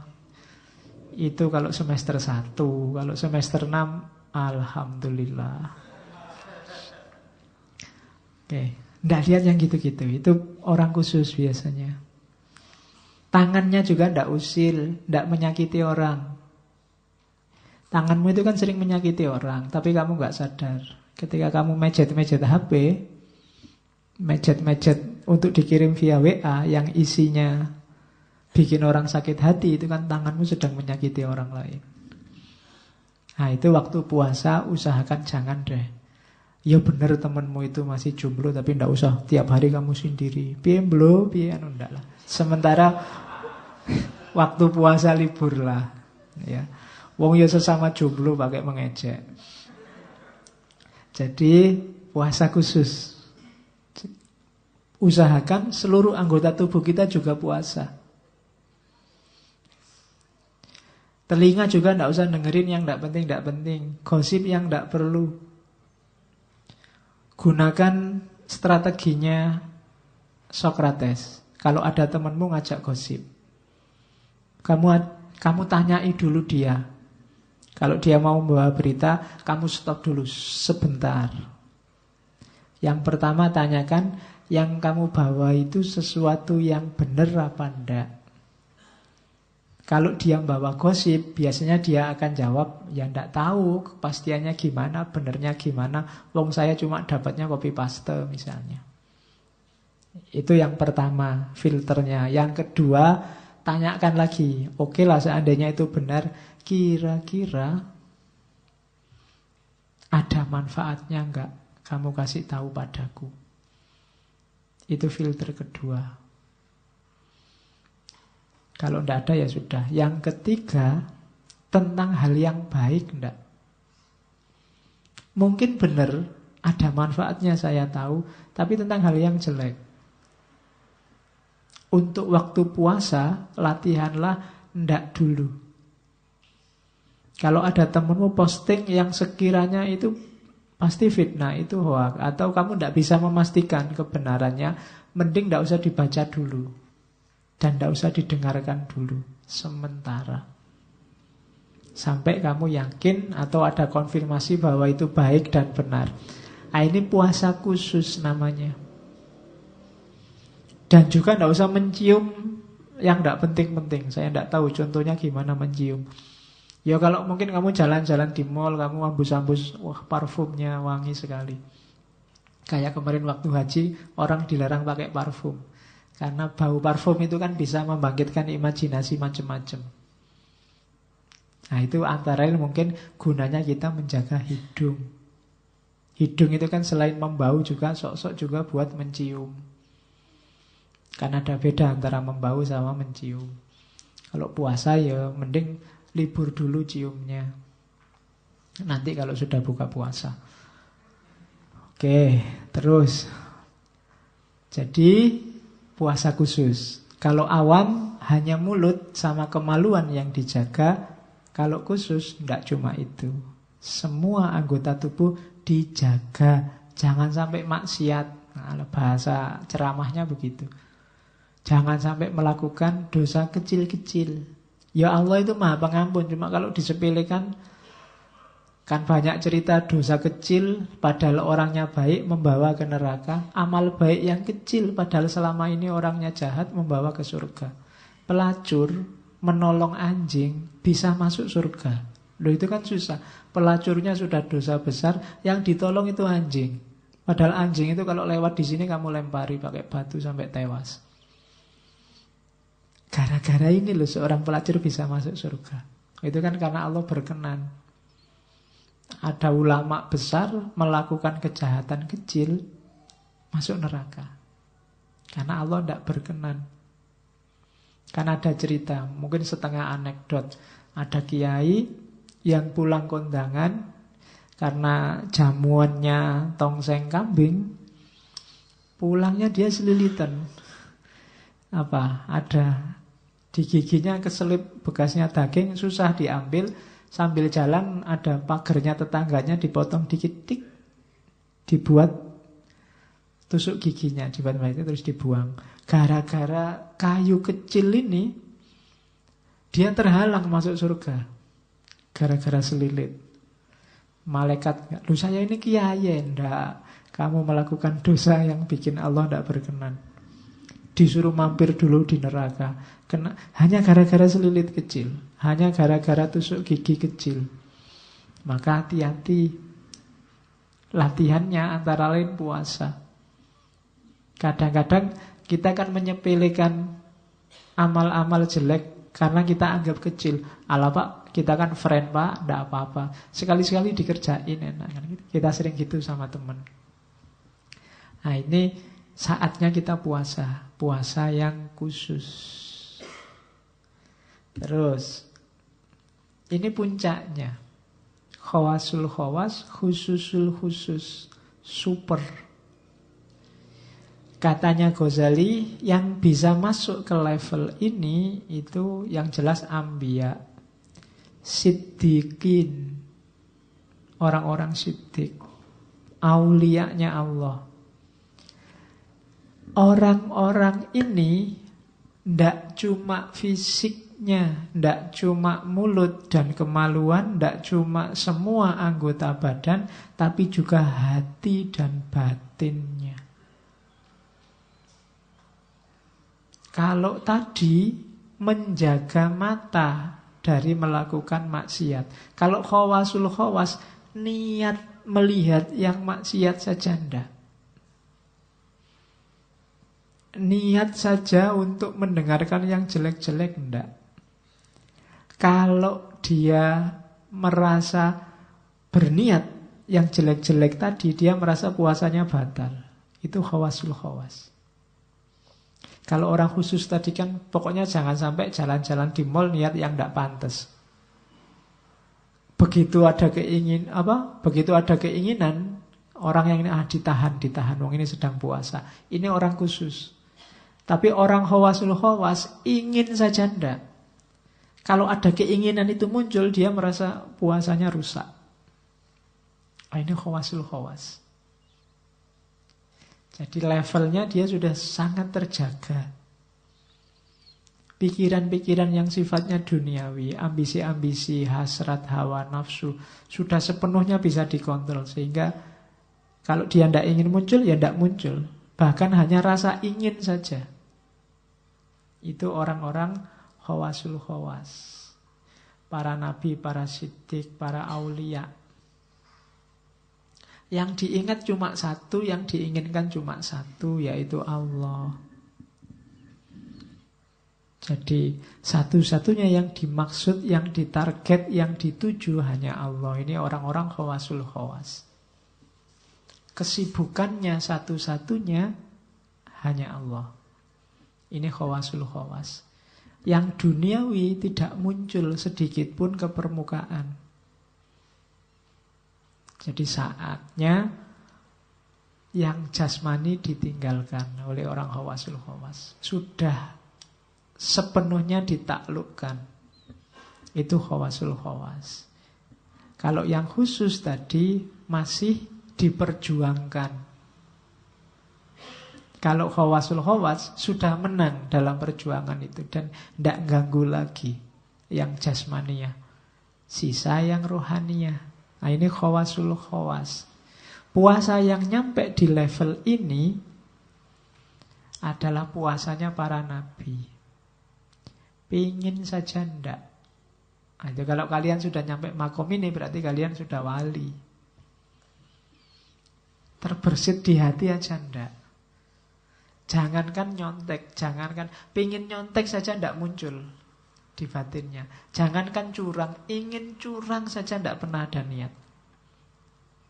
Kalian kan sering begitu, wah ini ada HP keleleran. Kalau tak curi bisa loh ini sebenarnya. Nah, itu muncul keinginan, meskipun nggak dilakukan. Punya teman kok nggak pernah open sama barangnya. Ini ditinggal, ini kalau tak ambil, dia tidak akan tahu ini. Itu kan muncul pikiran jahat, pikiran jelek. Kalau orang khawasul khawas ini pikiran jelek semacam itu aja tidak muncul. Kalian lihat ada cewek lewat atau cowok lewat kan kadang pikiranmu jelek meskipun hanya di pikiran ah itu kayak gitu seandainya kan seandainya orang khawasul khawas seandainya nggak muncul kalian kan masih membayangkan karena pikiran itu kan dahsyat yo mungkin mata bisa merem tapi pikiran tidak bisa mata bisa ditutupi pikiran tidak bisa Kalian lihat orang bercadar saja kadang-kadang kan sudah ditutup tinggal matanya saja kalian masih bisa. Itu kalau dibuka kira-kira kayak gimana ya? Itu kan pikiranmu yang mau matamu sudah nggak bisa menjangkau wong sudah dicadari, tapi pikiranmu yang ingin membuka. Apalagi yang nggak pakai baju. Oh enggak ya, kalau enggak pakai baju nggak kamu pikir wong sudah dibuka. Oke. Jadi khawasul khawas gagasan, pikiran jelek, pikiran jahat, hasrat duniawi ndak muncul. Muncul ada ndak? Kalau tadi yang di khusus muncul tapi ditahan. Kalau yang di awam ndak ditahan kecuali yang mulut sama kemaluan.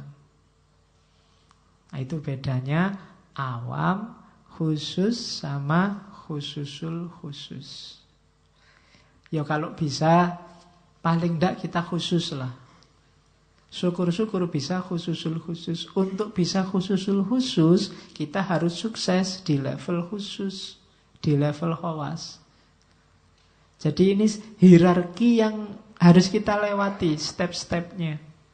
Setelah sukses di awam, kita naik kelas jadi khusus. Mungkin perjuangan kita hari ini itu. Kalau sudah sukses, terus-terusan di khusus, kita akan naik kelas lagi. Kalau kita taklukkan terus niat jelek, keinginan maksiat, lama-lama kalau bahasanya Pierre Bourdieu jadi habit. Kalau sudah jadi habit, muncul saja enggak. Dia masuk ke bawah sadar dan dia kontrol kehidupan sadar kita bahwa yang kayak gitu jelek maka muncul di kepala saja enggak. Nah, itu khawasul khawas. Jadi Biasakan diri kita dengan yang baik-baik, biasakan berjuang menaklukkan yang jelek, nanti diri kita akan terbiasa. Jangan mem mudah memaafkan dirimu yang melakukan kesalahan. Biar dirimu tetap peka terhadap kesalahan. Manusia itu kan punya tabiat itu, pembiasaan-pembiasaan itu kadang membahayakan. Enggak jasmani, enggak rohani. Jasmanimu itu, misalnya kamu pusing, itu kalau kamu cueki, pusing pertama rasanya pusing sekali. Kamu cueki mungkin pusing kedua nggak terlalu sakit lagi. Lama-lama pusing itu jadi biasa dan mungkin lama-lama nggak jadi sakit. Itu yang jasmani. Yang rohani juga begitu. Sekali kamu bohong, mungkin bohong pertama rasa bersalahnya luar biasa. Bohong kedua, sudah turun banyak. Mungkin tinggal 80% rasa bersalahnya. Masih tetap punya rasa bersalah. Bohong ketiga tinggal 50%, bohong keempat tinggal 20%. Lama-lama bohong itu menurutmu biasa. Tidak ada rasa bersalah sama sekali. Bahkan mungkin ada satu titik ketika kamu tidak bohong, kamu heran sendiri. Mungkin pas kamu bohong, Aneh ya, aku kok bisa jujur ya? Mungkin bisa begitu. Nah itu jiwamu itu begitu. Kamu kan sering lihat orang, wah tidak mungkin saya nyampe ke makom itu. Sebenarnya kamu mampu. Cuma kamu nggak membiasakan dirimu, sehingga kamu underestimate. Bisa. Orang zaman dulu itu ada yang puasa aja sampai 40 hari dan nggak cuma 40 hari, 40 malam. Dan bisa. Kalau kamu tak tanya kuat enggak puasa 40 hari 40 malam, mesti kamu jawabnya cepet. Yo mati pak, kan mesti gitu. Loh orang dulu itu banyak yang gitu, puasanya 40 hari 40 malam. Dan sukses. Dulu Arya Kamandano itu dapat ilmu begitu. Sandiwara Radio. Oke. Nggak, coba dilihat ilmu-ilmu kejawen itu. Nenek moyang kita itu. Bisa ada puasa 40 hari 40 malam. Kalau Nabi Dawud kan sehari puasa sehari ndak. Jadi khawasul khawas. Caranya pembiasaan batinmu. Kalau melatih fisik itu relatif lebih mudah. Tapi melatih batin itu prosesnya harus agak panjang. Karena membiasakan. Terus itu kalimatnya Ghazali. Jadi orang-orang khusus itu kalau muncul hasrat duniawi, dia merasa berdosa dan puasanya batal. Itu orang khawas. Bahkan kalimatnya Ghazali, barang siapa tergerak pikirannya dengan memikirkan bahan buka puasanya pada siang hari, niscaya dituliskan satu kesalahan padanya.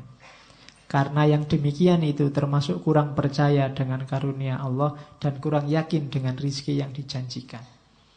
Jadi orang khawasul khawas itu mikir kok, kira-kira nanti maghrib aku buka apa ya? Itu dianggap batal sudah. Apalagi kamu kira-kira saya buka apa ya Pak? Bisa buka ndak ya nanti ya? Nah itu dianggap batal. Kamu ndak percaya sama Allah. Dianggap meragukan. Emangnya Allah ndak bisa? Emangnya Allah nggak mampu ngasih kamu buka puasa? Nah, itu orang khususul khusus. Jadi hidupnya 100% hanya tentang Allah, oleh Allah, dan untuk Allah. Itu kelompok khawasul khawas. Jadi dia tidak mikir nanti buka puasa hari ini di masjid mana, besok di masjid mana. Jalan aja waktu buka puasa kok pasnya di Kolombo ya di Kolombo. Kok pasnya di Suwada ya di Suwada. Ya memang sengaja jalan ke sana. Oke ya. Jadi pokoknya tidak usah mikir nanti buka makan apa, minum apa waktu puasa. Melecehkan Allah. Apalagi bisa buka ndak itu menistakan Allah. Kamu bisa dilaporkan ke pengadilannya malaikat. Ya, emangnya Allah tidak mampu begitu gitu loh. Jadi tidak usah mikir nanti minum apa. Sekarang boleh karena belum puasa. Mikir minum dulu. Kamu kan nggak dapat, saya masih dapat.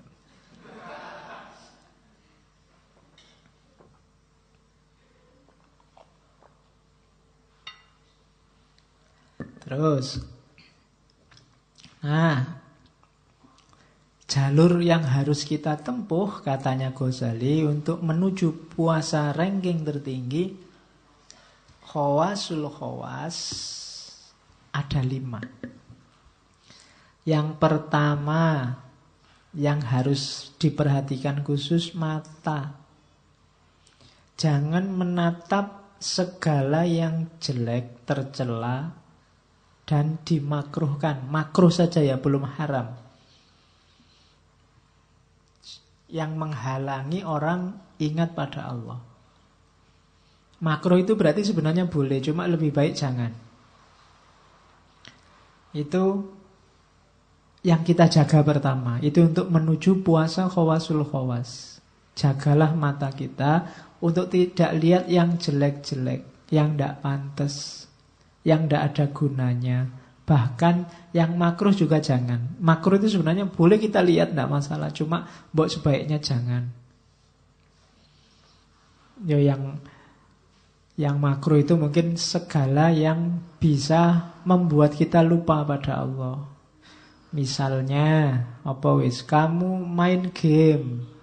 Kebetulan HPmu ada game baru. Yang ini bikin kamu lupa. Terus, wah lumayan level 1, level 2 lumayan. Atau kamu lihat serial lah, mumpung puasa pak. Kan tidak apa-apa tuh pak, lihat TV, mumpung saya punya serialnya Naruto lengkap ini pak.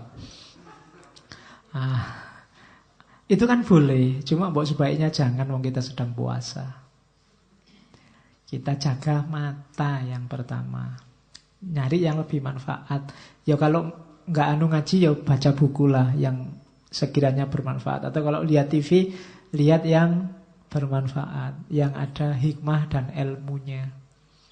Lu lihat film apa aja kan ada hikmahnya pak.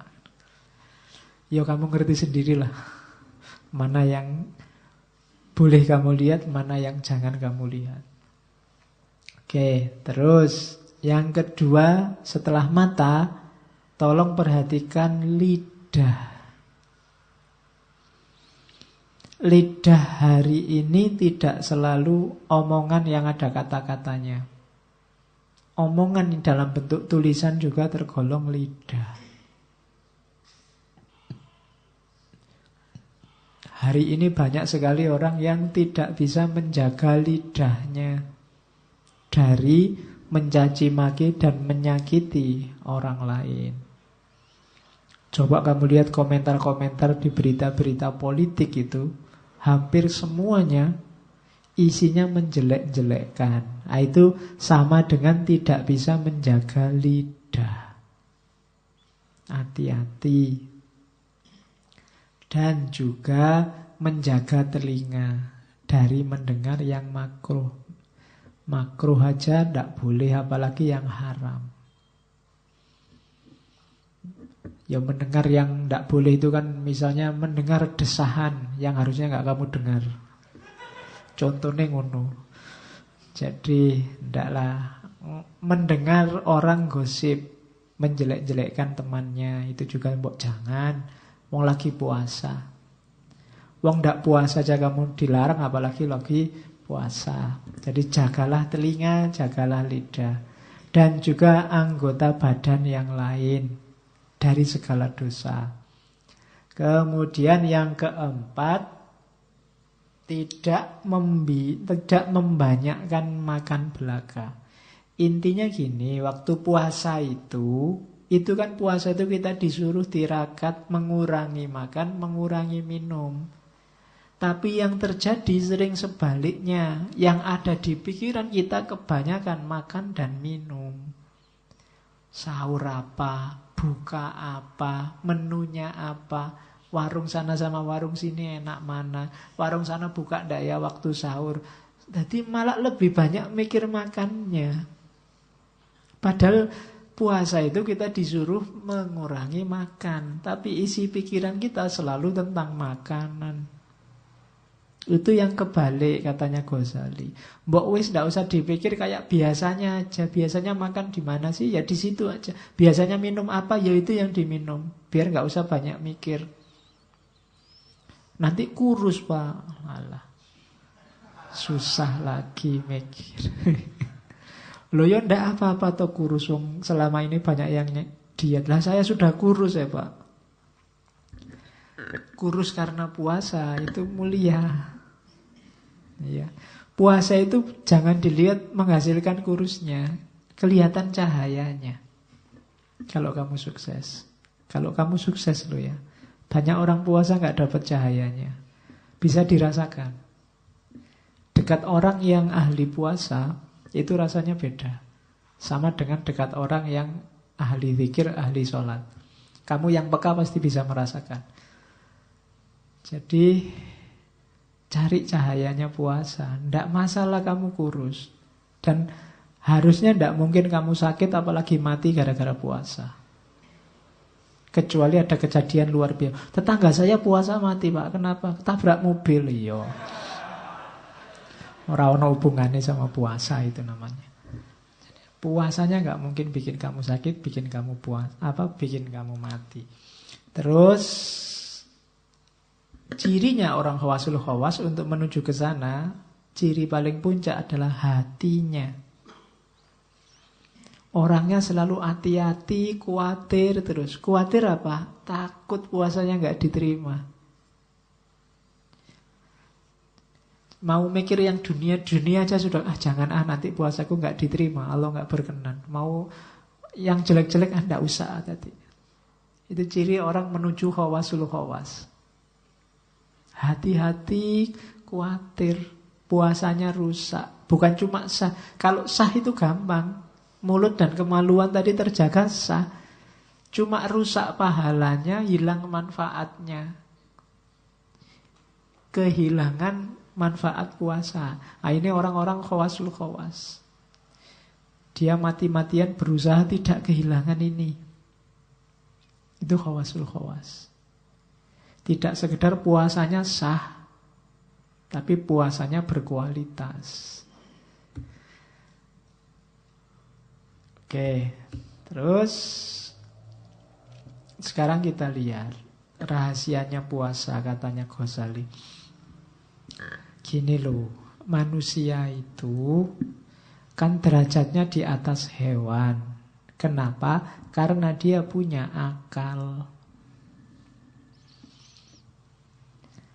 Kemudian cuma dia di bawah malaikat. Kenapa? Karena dia punya hawa nafsu. Asumsi permis pertama itu. Maka harus hati-hati. Jadi manusia itu derajatnya di atas hewan dan di bawah malaikat. Terus hati-hati kalau dia kenapa harus puasa? Puasa itu memerangi hawa nafsu. Kenapa tidak harus diperangi? Karena kalau hawa nafsu ini menguasai, dia jatuh ke level hewan.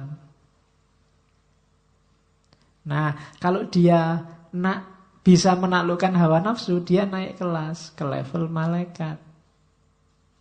Kenapa harus naik kelas Pak ke level malaikat? Bukan berarti jadi malaikat. Malaikat itu makhluk yang sangat dekat dengan Allah. Kalau manusia naik ke level malaikat, berarti dia ada di posisi yang dekat dengan Allah. Itu di antara rahasianya puasa. Kenapa berarti kita diwajibkan oleh Allah berpuasa? Itu sebenarnya Allah ingin dekat sama kita. Cuma ada penghalangnya yaitu nafsu. Hawa nafsu yang menghalangi kita bisa dekat sama Allah. Maka oleh Allah kita diwajibkan puasa. Biar kita bisa menaklukkan hawa nafsu sehingga kita naik kelas ke level malaikat dan ketika kita di level malaikat itulah kita dekat sama Allah. Itu rahasianya puasa, katanya Ghazali. Mirip kayak sholat kemarin kan, sholat juga menunjukkan kerinduan Allah pada kita sehingga kita dipanggil untuk menghadap. Haji kemarin juga begitu, Allah memanggil-manggil kita sehingga kita bilang labbaik Allahumma labbaik. Jadi ibadah-ibadah yang kita bahas satu bulan ini menunjukkan cintanya Allah pada kita. Allah menunggu-nunggu balasan cintamu padanya. Itulah logikanya puasa. Jadi dalam perintah puasa tersembunyi cintanya Allah padamu. Ada penghalangnya ya kalau kamu sedang pacaran sama pacarmu, kok ada yang menghalangi orang ketiga, kan ini harus disingkirkan dulu. Biar kamu bisa dekat berdua. Ya kalau ada temanmu datang kan menghalang, suruh pergi. Suruh beli apa yang jauh apa suruh.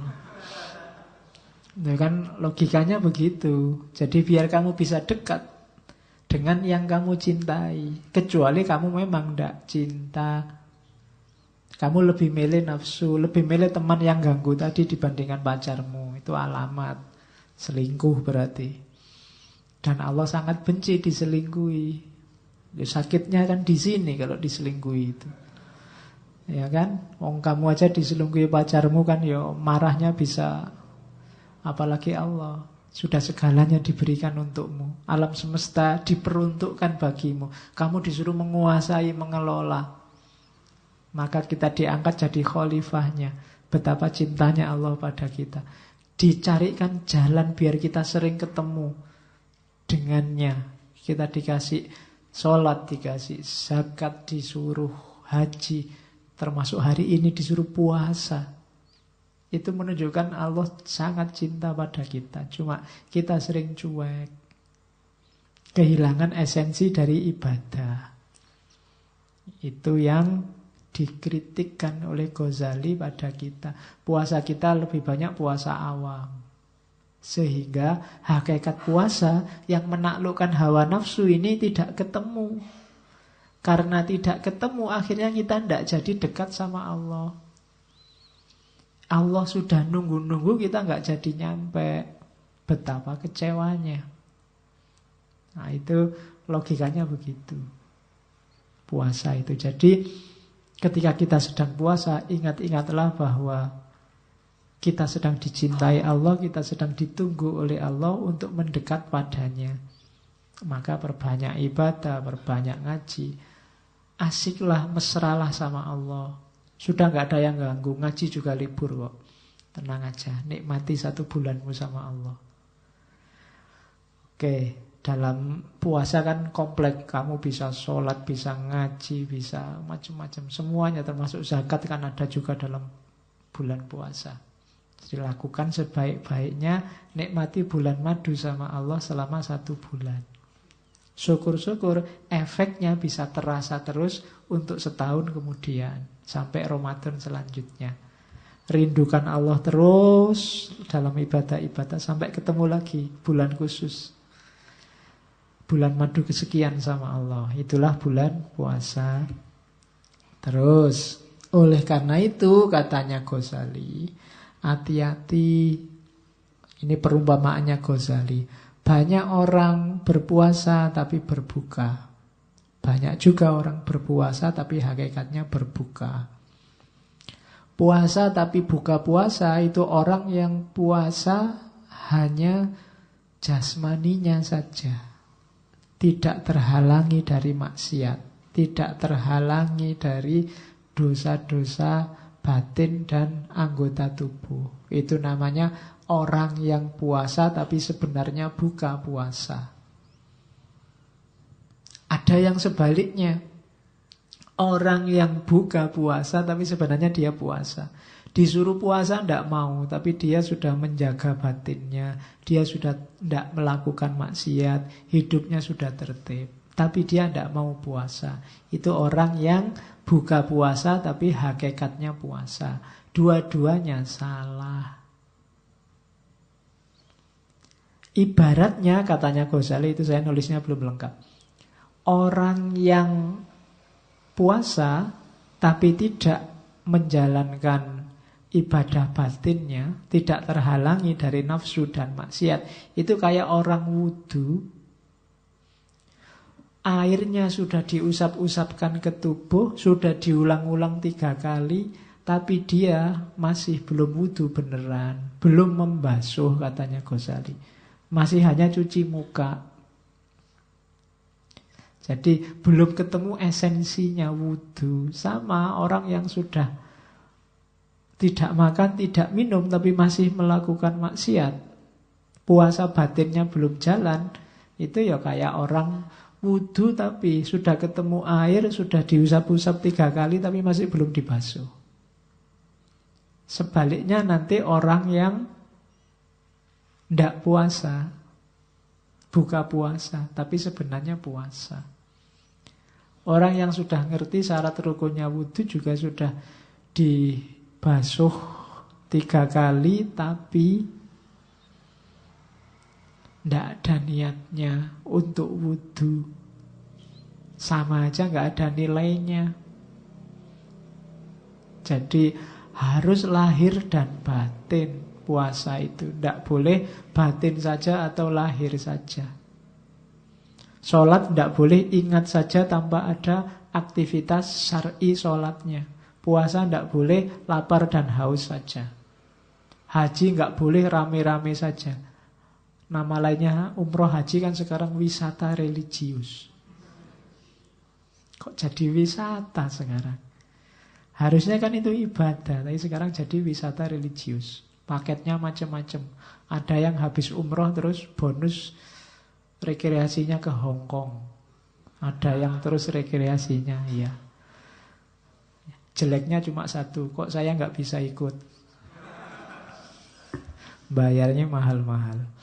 Oke, jadi umpamanya itu ibadah puasa yang hakikatnya tidak puasa atau tidak puasa tapi hakikatnya puasa. Dua-duanya keliru. Terus targetnya puasa kayak di ayat itu takwa memang. Orang yang puasanya sukses setelah Idul Fitri dia jadi orang fitrah, ciri hidupnya cuma satu yaitu takwa.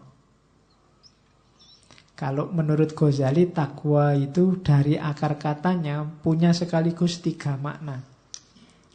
Yang pertama takut, haibah, orang takut itu jadinya hati-hati. Yang ketiga taat, yang ketiga eh, yang kedua taat, yang ketiga hatinya suci dari dosa. Ciri paling gampang, silahkan dilihat sendiri ayatnya, di situ sudah ada. Jadi orang yang puasa itu nanti setelah puasanya sukses, setelah Idul Fitri, dia harusnya jadi orang yang hati-hati hidupnya. Tidak sembrono lagi. Orang yang haibah takut dosa. Jangan setelah Ramadan, wah Alhamdulillah Pak, saya sekarang sudah fitri, sudah bersih. Dosa-dosa dikit gak apa-apa, sudah kan, sudah bersih sekarang. Tidak begitu. Justru harusnya lebih takut. Kuatir kebersihannya, kefitriannya ternodai. Itu cirinya takwa. Tapi kalau orang habis puasa kok tambah sembrono, berarti puasanya tidak sukses. Yang kedua, takwa itu bermakna taat. Habis puasa kok lebih patuh terhadap agama. Lebih semangat ibadah. Lebih asyik berdua sama Allah, berarti sukses. Tapi kalau habis puasa tambah cerewet, perintahnya agama didebat terus. Kritik terus gegeran terus tiap hari. Ya sudah. Gegeran itu tidak masalah, debat itu tidak masalah, tapi ketaatan harus tetap jalan. Cuma kan banyak orang yang ya berhenti di gegeran itu. Ada orang sodako dikritik, alah pamer itu. Ada orang sholat ah paling sholatnya tidak kusuk. Ada orang puasa, puasa kok diperlihatkan. Puasa itu ya pribadi. Apa dikritik. Dia sendiri males. Banyak kan orang kayak gitu. Sinis terus sama orang lain. Matanya selalu menghadap keluar. Tidak pernah ke dalam. Nah itu problem. Harusnya orang takwa itu semakin hati-hati. Jangankan ngomong atau perbuatan, gerak hatinya saja dia hati-hati. Makanya ciri puat, ciri takwa yang ketiga itu suci dari dosa hatinya. Dosa hati saja ndak, apalagi dosa fisik, apalagi dosa ucapan, dosa perbuatan. Oke, jadi itu target puasanya takwa. Terus hikmahnya ah, kalau tadi kan kualitasnya namanya takwa. Manifestasinya apa sekarang? Manifestasi itu bukti fisiknya. Yang pertama puasa yang sukses berarti akhlaknya tambah mulia. Semakin berakhlak. Nanti dilihat ya kalau habis puasa kok tambah sopan, tambah enak diajak ngobrol, semakin menyenangkan. Nah, itu berarti dia akhlaknya semakin baik. Tapi kok habis puasa tambah ngamuan, tambah bikin sebel, deket aja kita males, ada yang tidak beres. Akhlak mulia, cirinya.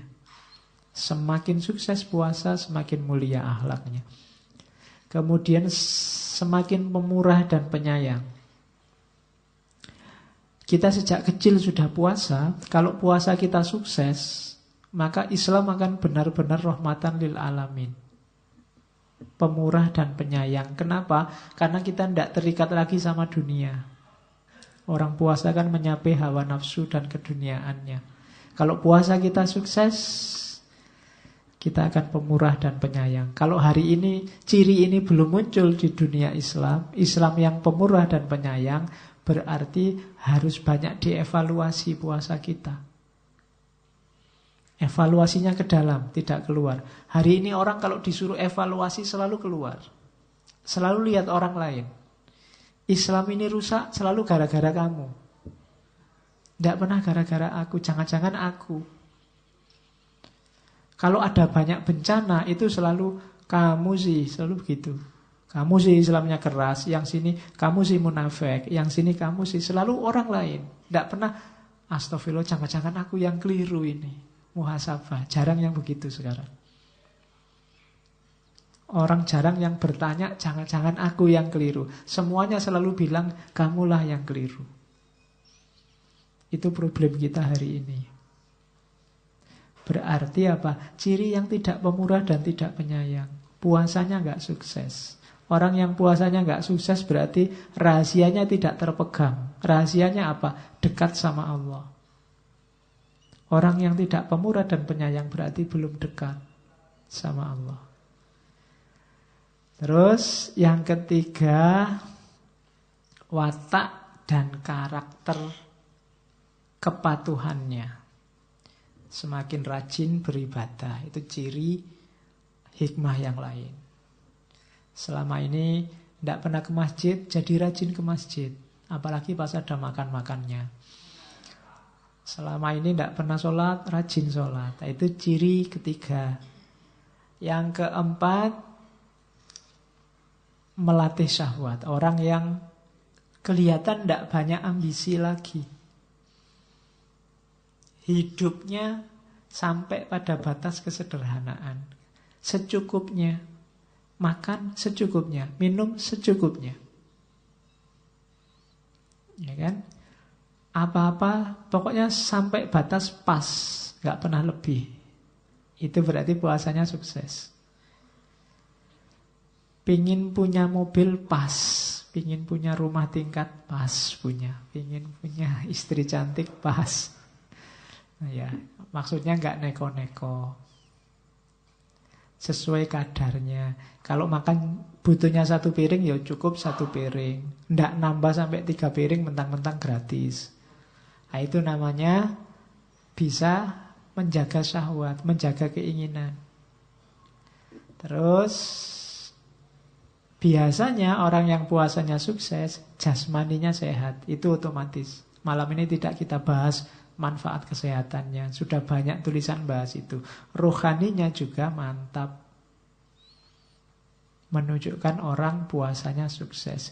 Jasmani sehat, rohani mantap. Ya nanti kita evaluasi. Bukan evaluasi orang lain. Kita evaluasi diri kita sendiri. Kira-kira puasa kita sukses apa enggak? Puasa bikin kita jatuh cinta sama Allah apa enggak? Semakin baik perilaku kita, akhlak kita, semakin pemurah apa enggak? Kita bisa evaluasi ke dalam. Oke, terus ini terakhir. Kalimat bagian-bagian akhir dari Asrorusiam. Fa'idhan kodzoharo anna likulli ibadatin zohiron wa batinan wa kisron wa lubban walikisriha darojatun walikulli darojatin tobakotun. Fa ilaikal khiyaroh al-an fi antakna'a bil kisri anil lubabi au tatahayyaza ila arbabil albab. Katanya Ghazali faidan kodzoharo jadi teranglah sekarang annalikulli ibadatin zohiron wa batinan. Bahwa bagi setiap ibadah ada aspek lahir dan aspek batin. Waluban, eh waluban, dan juga ada kulit, ada isi. Walikisriha darojatun. Dan kulitnya ada beberapa tingkatan. Walikuli darojatin tobakotun. Dan di setiap tingkatan ada level-levelnya. Fa'ilaikal khiyaro al'an. Maka silahkan engkau pilih sekarang. Fi antakna'a bil kisyri anil lubabi. Apakah cukup dengan kulit saja tanpa isi? Atau engkau ceburkan dirimu dalam tingkatan-tingkatan isi. Jadi katanya Ghazali, ibadah itu ada lahirnya, ada batinnya, ada kulitnya, ada isinya. Dua-duanya penting. Cuma sekarang pilihlah kamu milih kulit saja tanpa isi atau isi dan tingkatan-tingkatannya. Kalau milih isi otomatis lewat kulit.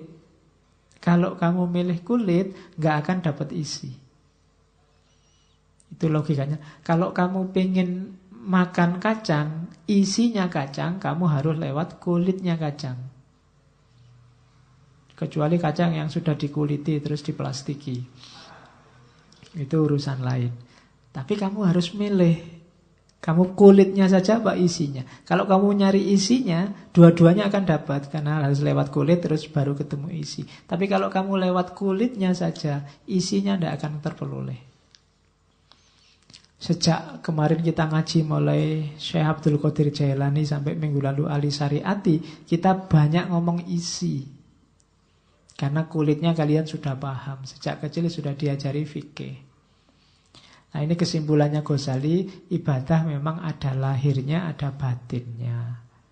Kalau bisa jangan cuma milih kulitnya. Karena kalau kamu milih kulitnya, kamu tidak akan ketemu isinya. Kejarlah isinya. Lah kulitnya pak, lu kamu tidak akan bisa ketemu isi kalau nggak lewat kulit. Jangan ujuk-ujuk hakikatnya. Ya lewat syariat dulu. Karena syariat itu jalan menuju hakikat yang nanti menghasilkan makrifat. Jalannya namanya torekot. Dari sini, karena ini kitab ikhya, kitab tasawuf, jadi maunya Ghazali, ya mbok kita cari intinya, kita cari isinya. Jangan berhenti di kulit. Yang sering orang salah paham dianggapnya tasawuf itu tidak bahas kulit, hanya bahas isi. Loh, logikanya kalau orang menuju isi harus lewat kulit. Tidak mungkin orang ketemu isi dengan membuang kulit.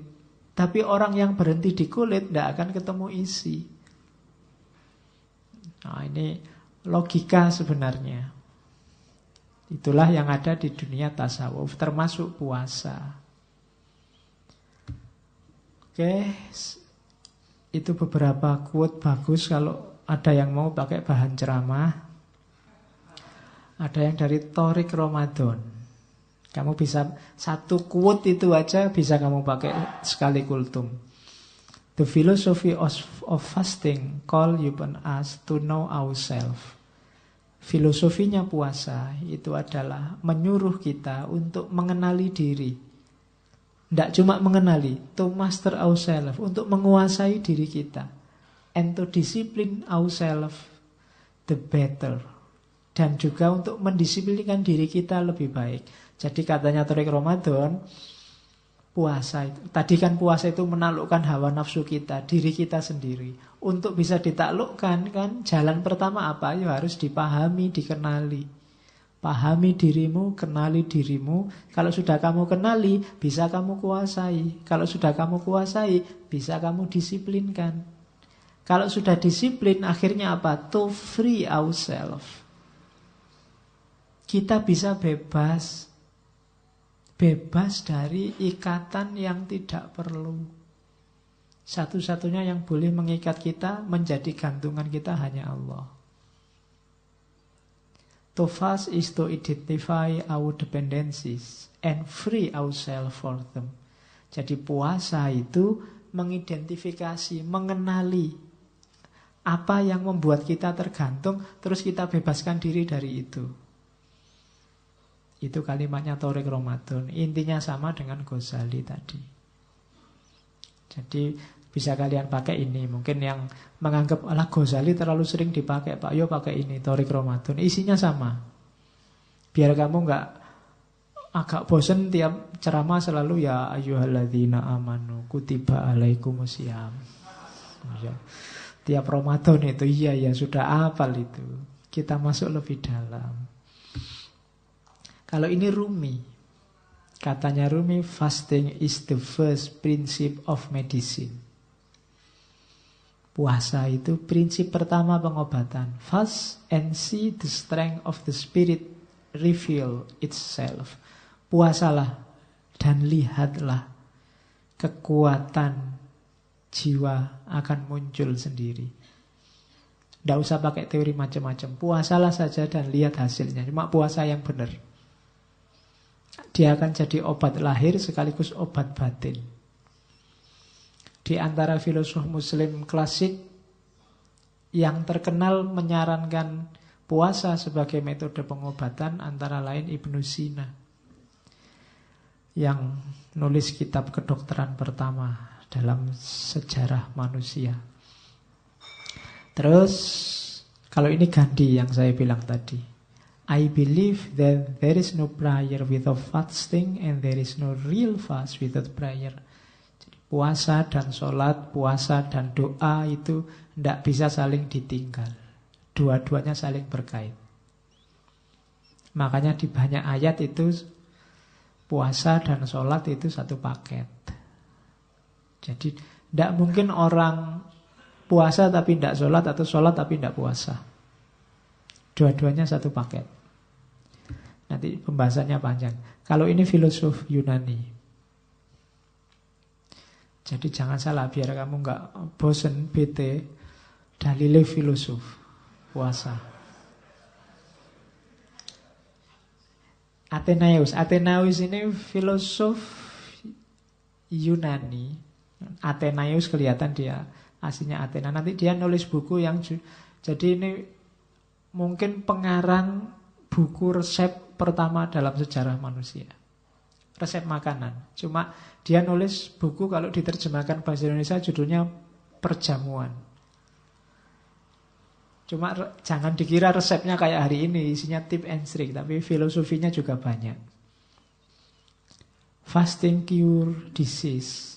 Puasa itu menyembuhkan penyakit, dries up bodily humors. Mengeringkan, membersihkan dari kesenangan-kesenangan jasmania. Put demons to flight. Nyingkirkan setan. Orang puasa itu setan gak kerasan. Karena disuruh ini gak mau, disuruh itu gak mau. Wong sedang puasa. Get rid of impure thought. Pikiran yang tidak murni akan pergi. Makes the mind clearer and the head purer. Membuat pikiran tambah jelas, hati tambah jernih.